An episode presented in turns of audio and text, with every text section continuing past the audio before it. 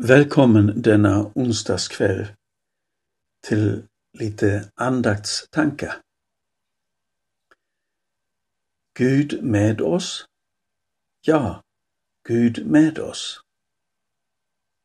Se, jungfrun ska bli havande och hon ska föda en son och man ska ge honom namnet Emanuel. Det betyder Gud med oss. Orden uttalades i en mörk och hotfull tid av profeten Jesaja. 700 år senare gick det med Jesu märkliga födelse i uppfyllelse. Gud med oss? Så ungefär kan vi undra när livet inte blir som vi tänkt, när räkningen inte går upp, när drömmar går i kras och ingen ljusning syns någonstans. Men orden är till alla dem som är modfällda, till de tvekande, de förkrossade och förtvivlade, till alla dem som vet om sina brister och gränser och längtar efter andra omständigheter. Orden är inte till dem som söker använda Gud för sina egna syften. Gerion Goldman var i övre tonåren när han fick uppdraget från Gud. Präst skulle han bli. Han som varit byns värsting.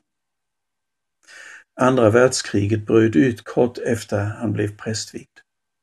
Han kallades in i Hitlers armé som fältpräst.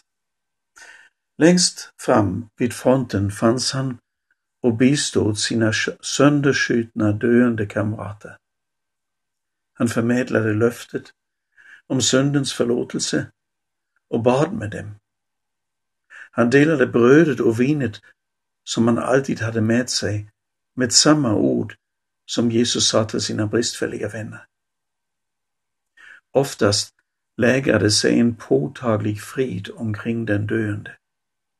Så påtagligt att kringstående fattade hopp mitt i sin förtvivlan och ångest. Hans ovanliga livsberättelse finns i boken genom dödsskuggans dal. Ja, Gud är med. Gud är med där vid sjuksängen, också när döden väntar. Han är med i det smärtfulla och det totalt ofattbara. Han är där, där barn utsätts för det värst tänkbara. Minst lika förtvivlat och gråtande som du och jag är han där i den värsta katastrofen som människor kan åstadkomma. Osynlig och dock verklig. Av någon outgrundlig anledning svarar han inte på våra varför. Men han hjälper oss igenom.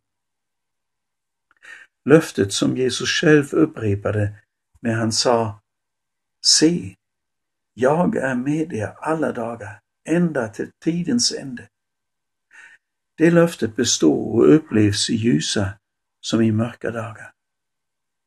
Gud med oss, det är tröstord som ger mod. I de orden får du och jag vila, oavsett vad som kommer. Pastor Axel Kühner berättar om en pappa och en son som åkte tåg.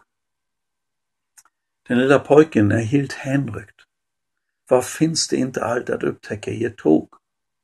Och bilderna susar förbi fönsterrutan. Alldeles tyst av fascination iakttar han landskapet. Plötsligt blir det mörkt. En tunnel. Pojken letar rädd efter sin pappas hand och frågar Är du kvar? Då tar pappan pojkens hand och svarar lugnt och fast jag är fortfarande kvar. Jag är hos dig. Ska vi be tillsammans? Herre,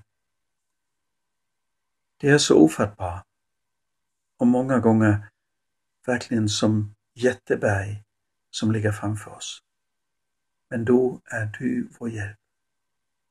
Osynlig och dock påtaglig. Tack för att det är så. Tack för att du sträcker din hand ut efter oss och vi får lägga vår lilla hand i din. Du som omsluter oss på alla sidor. Amen.